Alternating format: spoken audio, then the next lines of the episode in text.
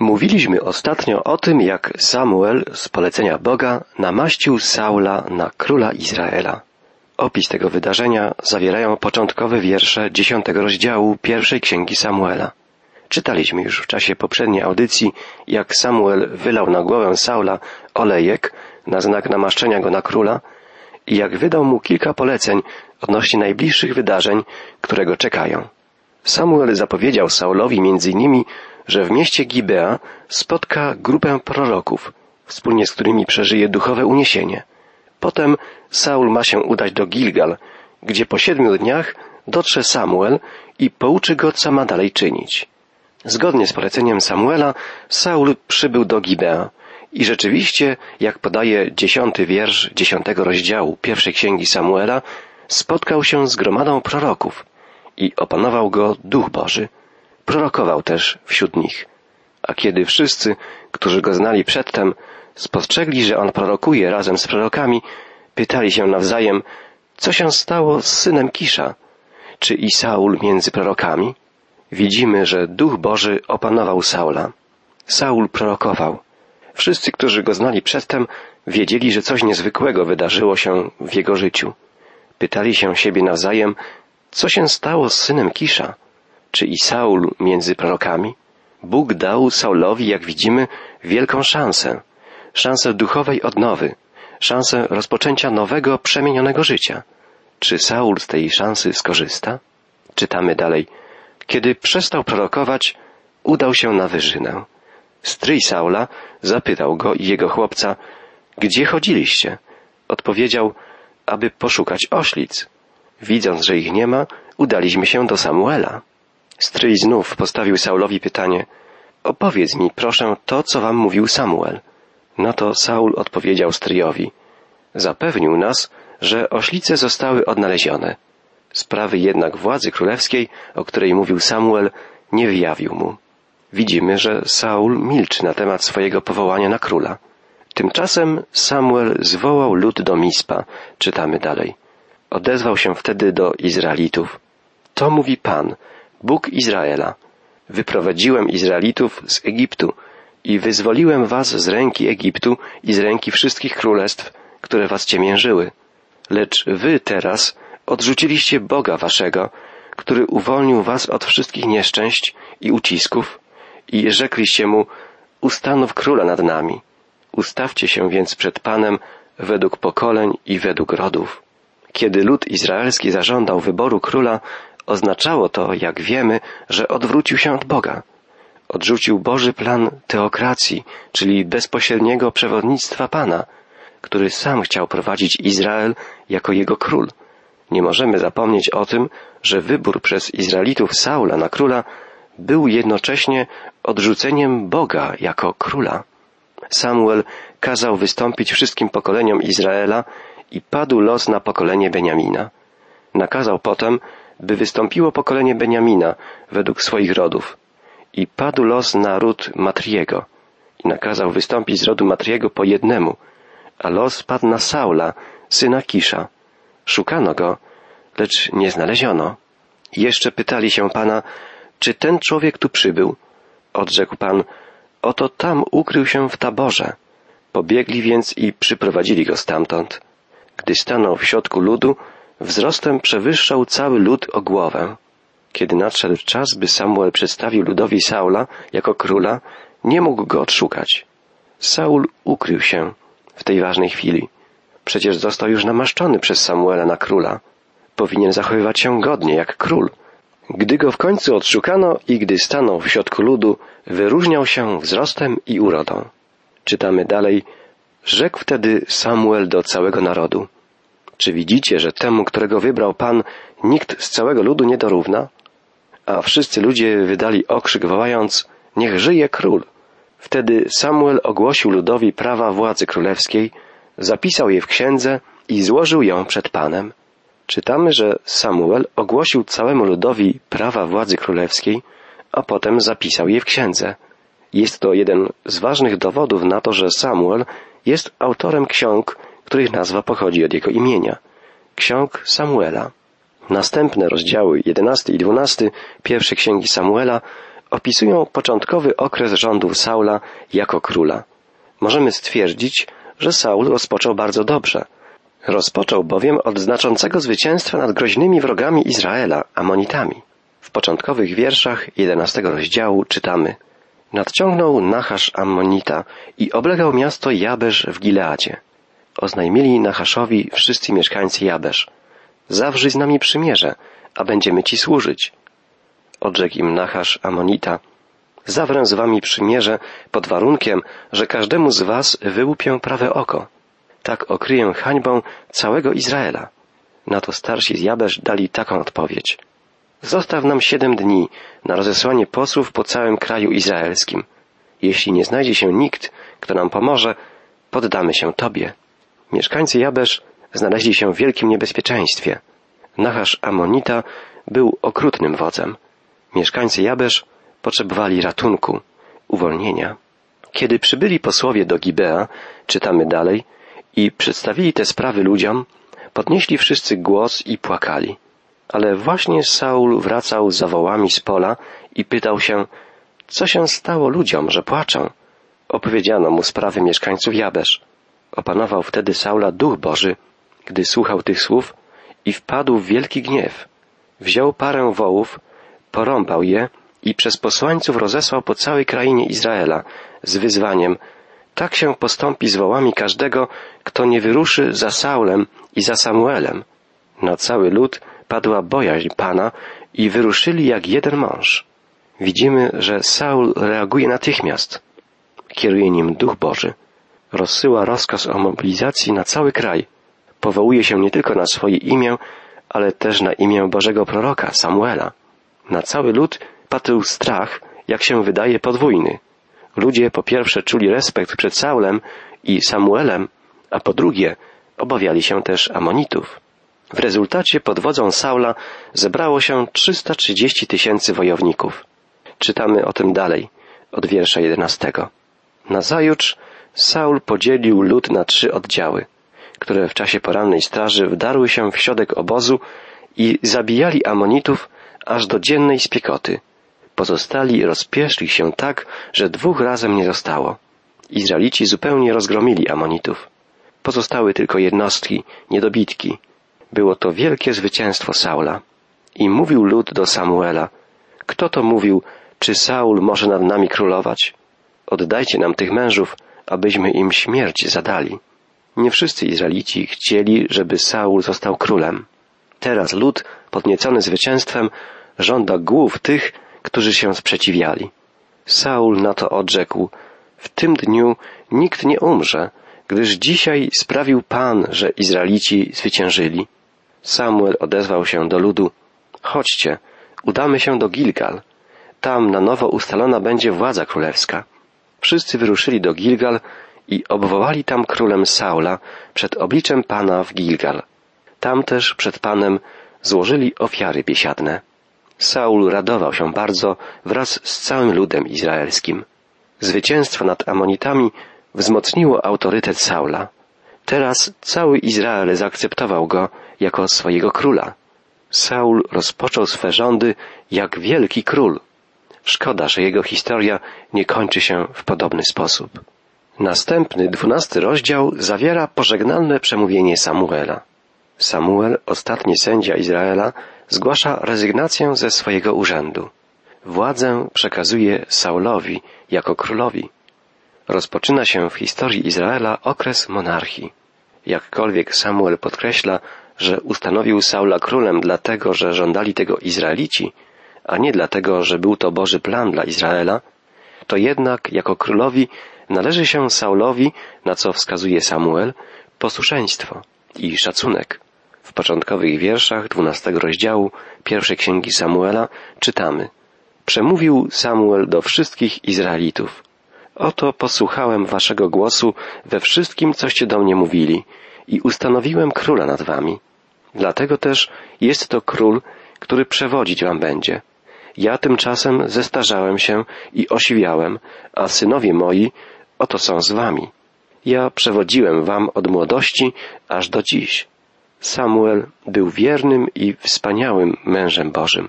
Służył Bogu przez całe życie, od wczesnego dzieciństwa. Teraz całym swoim autorytetem wspiera Saula jako króla. Samuel, jak pamiętamy, został przekazany przez swoją matkę, Annę, do służby w świątyni, jak tylko został odstawiony od piersi. Miał więc wtedy najprawdopodobniej około trzech lat. Samuel jest więc wyjątkową postacią biblijną. Trudno byłoby nam w ogóle znaleźć w historii podobną postać. Całe jego życie było właściwie życiem publicznym, życiem jawnym. Każdy krok Samuela był znany wszystkim. W naszych czasach ludzie rozpoczynają działalność publiczną w dojrzałym wieku. Rozpoczynają pracę, pną się w hierarchii zawodowej, politycznej czy artystycznej i zdarza się nieraz, że nagle ktoś ujawni jakiś fakt z przeszłości takich wysoko już postawionych ludzi, co powoduje ich kompromitację i nagły upadek. Nic takiego nie mogło nastąpić w życiu Samuela. Jako mały chłopczyk zamieszkiwał już w świątyni. Całe jego życie było dla wszystkich otwartą kartą. W trzecim wierszu dwunastego rozdziału znajdujemy takie słowa Samuela. Oto jestem. Oskarżajcie mnie przed Panem i przed Jego pomazańcem. Czy wziąłem komu wołu, czy zabrałem czyjego osła, czy komu wyrządziłem krzywdę lub gnębiłem, albo z czyjej ręki przyjąłem dar, aby zakryć oczy na jego sprawę? Zwrócę wam wszystko. To niezwykłe stwierdzenie człowieka, który przez całe życie sprawował urząd sędziego. Wiele razy miał z pewnością okazję, żeby się wzbogacić, żeby urządzić siebie i swoich synów, zabezpieczyć swoją i swojej rodziny wygodną egzystencję. Nigdy z tego nie skorzystał.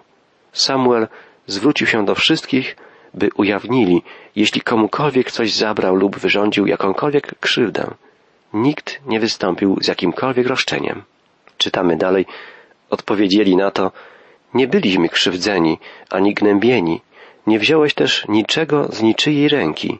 Rzekł więc znowu Samuel, Pan mi świadkiem i dzisiejszy jego pomazaniec wobec was, że nic nie znaleźliście w moim ręku. Odpowiedzieli, On świadkiem. Samuel nie musiał się obawiać publicznej oceny swojej działalności, jako sędziego i jako proroka. Jego życie było życiem prawym, było wierną służbą Bogu. Był on prawdziwie wielkim mężem Bożym. Samuel, przemawiając po raz ostatni do całego ludu izraelskiego, wspomina postaci Mojżesza i Arona i przypomina ludowi o uwolnieniu z niewoli egipskiej oraz o wielu dowodach Bożej łaski i Bożego błogosławieństwa. Przypomina przeszłe wydarzenia świadczące o trosce Pana o swój lud i czyni to, podobnie jak Szczepan w Nowym Testamencie, po to, żeby wezwać słuchających go ludzi do zwrócenia się całym sercem do Pana, żywego Boga, Boga Izraela. Samuel jeszcze raz przypomina, że sam Bóg chce być ich królem. Mówi Izraelitom, powiedzieliście mi, król będzie nad nami panował. Tymczasem Pan, wasz Bóg, jest królem waszym. Mimo wszystko jednak Samuel zapowiada Izraelitom, że Bóg będzie im błogosławił, nawet pomimo tego, że z własnej woli wybrali sobie ziemskiego króla, jeśli tylko będą Bogu okazywać posłuszeństwo, wraz z wybranym przez siebie królem. W trzynastym i czternastym wierszu dwunastego rozdziału czytamy Teraz więc oto jest król, którego wybraliście, ten, o którego prosiliście. Oto Pan ustanowił nad wami króla. Jeśli będziecie się bali Pana, służyli Mu i słuchali Jego głosu, nie sprzeciwiali się nakazom Pana, jeśli będziecie tak wy, jak i wasz król, który nad wami panuje, szli za Panem, Bogiem waszym, wtedy Pan będzie z wami. Bóg nie odrzucił swego ludu, mimo że lud ten popełnił wielki błąd. Bóg zawsze daje szansę, możliwość upamiętania się i wejścia na powrót na Jego drogę, drogę posłuszeństwa i łaski, Jego łaski i Jego błogosławieństwa. Samuel ostrzegł Izraelitów, ale jeżeli nie będziecie słuchać głosu Pana i sprzeciwiać się będziecie Jego nakazom, ręka Pana będzie przeciw wam, podobnie jak była przeciw waszym przodkom. To jest niezmienne wezwanie skierowane do ludu Bożego. Jeśli będziecie sprzeciwiać się woli Pana, jeśli nie będziecie słuchać Jego głosu, ręka Pana będzie przeciw wam. Ale jeśli będziecie się bali Pana, służyli Mu i słuchali Jego głosu, jeśli będziecie szli za Panem, Bogiem waszym, wtedy Pan będzie z wami. Bóg w niezwykły sposób potwierdził słowa swojego proroka Samuela. Czytamy dalej od szesnastego wiersza dwunastego rozdziału, jak Samuel wzywa Przystąpcie teraz, a zobaczycie wielkie wydarzenie, którego Pan dokona na waszych oczach. Czy to nie teraz są żniwa pszeniczne? Zawołam do Pana, a ześlę grzmoty i deszcz, abyście poznali i zobaczyli, że wielkie jest wasze wykroczenie, którego dopuścili się, się wobec Pana, domagając się króla dla siebie. Samuel wołał więc do Pana, a Pan zesłał grzmoty i deszcz w tym samym dniu. Cały naród bardzo się przeląkł, tak Pana, jak i Samuela. Wybór Saula na króla był samowolą. Przypomnijmy to jeszcze raz. Był to grzech ludu izraelskiego. Boży prorok Samuel jeszcze raz o tym przypomniał i Bóg potwierdził jego słowa. Lud musiał w pełni uświadomić sobie swoją winę. Mówił cały naród do Samuela. Czytamy dalej. Módl się do Pana, Boga Twego, za swymi sługami, abyśmy nie zginęli. Dodaliśmy bowiem do wszystkich naszych win to, że żądaliśmy dla siebie króla. Izrael nie miał upodabniać się do innych narodów, do innych państw. Jego królem miał być sam Pan. Lud wyznaje szczerze swój błąd, swoją winę. Na to Samuel dał ludowi odpowiedź. Nie bójcie się. Wprawdzie dopuściliście się wielkiego grzechu. Nie opuszczajcie jednak Pana, lecz służcie Mu z całego serca. Miłosierny Bóg nigdy nie przekreśla nikogo raz na zawsze. Wzywa do upamiętania. I jeśli człowiek czy naród zwróci się ku Niemu całym sercem, Bóg zawsze daje szansę, otwiera nowe możliwości, rozlewa nowe błogosławieństwa. Drogi przyjacielu, jest to szansa także dla nas, dla mnie i dla Ciebie, niezależnie od tego, kim jesteś, co zrobiłeś, jak wiele błędów w swoim życiu popełniłeś, Bóg czeka na to, byś zwrócił się ku Niemu całym sercem, byś poprosił Go o oczyszczenie i wybawienie, a On Cię przyjmie i obficie ubłogosławi. W końcowych wierszach dwunastego rozdziału znajdujemy takie dalsze słowa wezwania Samuela. Nie odstępujcie od Niego, idąc za marnością, za tym, co nie pomoże i nie ocali, dlatego że jest marnością. Samuel wzywa Izraelitów, by nie odstępowali od Boga, by przywarli do Niego, by uchwycili się Jego ręki i dali Mu się prowadzić. Nie idźcie za marnością, wzywa Samuel. Trzymajcie się Pana, bo jedynie On jest tym, który może pomóc, może ocalić, zbawić. To wezwanie jest równie ważne dla nas dzisiaj. Często, nawet w kościołach, próbujemy różnych sposobów, różnych metod, żeby rozwiązać nasze problemy, żeby zapewnić sobie bezpieczeństwo i powodzenie. Nie łudźmy się. Nic ani nikt nie zapewni nam szczęścia, pokoju, bezpieczeństwa poza Bogiem. Tylko On może nas uszczęśliwić. Tylko Bóg może nas zbawić. Powinniśmy więc przylgnąć do Pana, wsłuchiwać się w Jego słowo, żyć z Nim na co dzień w osobistej, bliskiej więzi. Bóg daje swemu ludowi ciągle nowe szanse. Pomimo błędów ludzi, Bóg pragnie ich oczyszczać i błogosławić. Samuel zapewnia o tym lud izraelski, który wielokrotnie sprzeciwiał się Bogu, buntował się przeciwko Jego woli i teraz też postąpił samowolnie, odtrącając Pana, swego króla i wybierając sobie na wzór innych narodów ziemskiego króla, Saula. Samuel zapewnia jednak Izraelitów, nie porzuci Pan ludu swojego, postanowił was bowiem uczynić ludem swoim przez wzgląd na swe wielkie imię. Są to niezwykłe słowa. Bóg nie odtrąca swojego ludu ze względu na swoje imię. Czy ty, drogi słuchaczu, znasz imię Pana? Czy wiesz, kto jest Twoim królem, Twoim zbawicielem? Co znaczy dla Ciebie imię Jezus Chrystus? Autor listu do Hebrajczyków, cytując księgi mojżeszowe i psalmy, przypomina słowa Pana nie opuszczę Cię, ani nie porzucę. Oraz dodaje Pan jest wspomożycielem moim, nie ulęknę się, bo cóż może mi uczynić człowiek? Jakże wspaniałym Panem jest nasz Bóg. Co za wspaniałe poselstwo przekazuje nam Boży prorok Samuel. Czy cieszysz się z tego, drogi przyjacielu, że nasz Bóg jest Bogiem, który zbawia, który objawia się, który przemawia? Czy to nie jest cudowne, że możesz być przyjacielem Boga?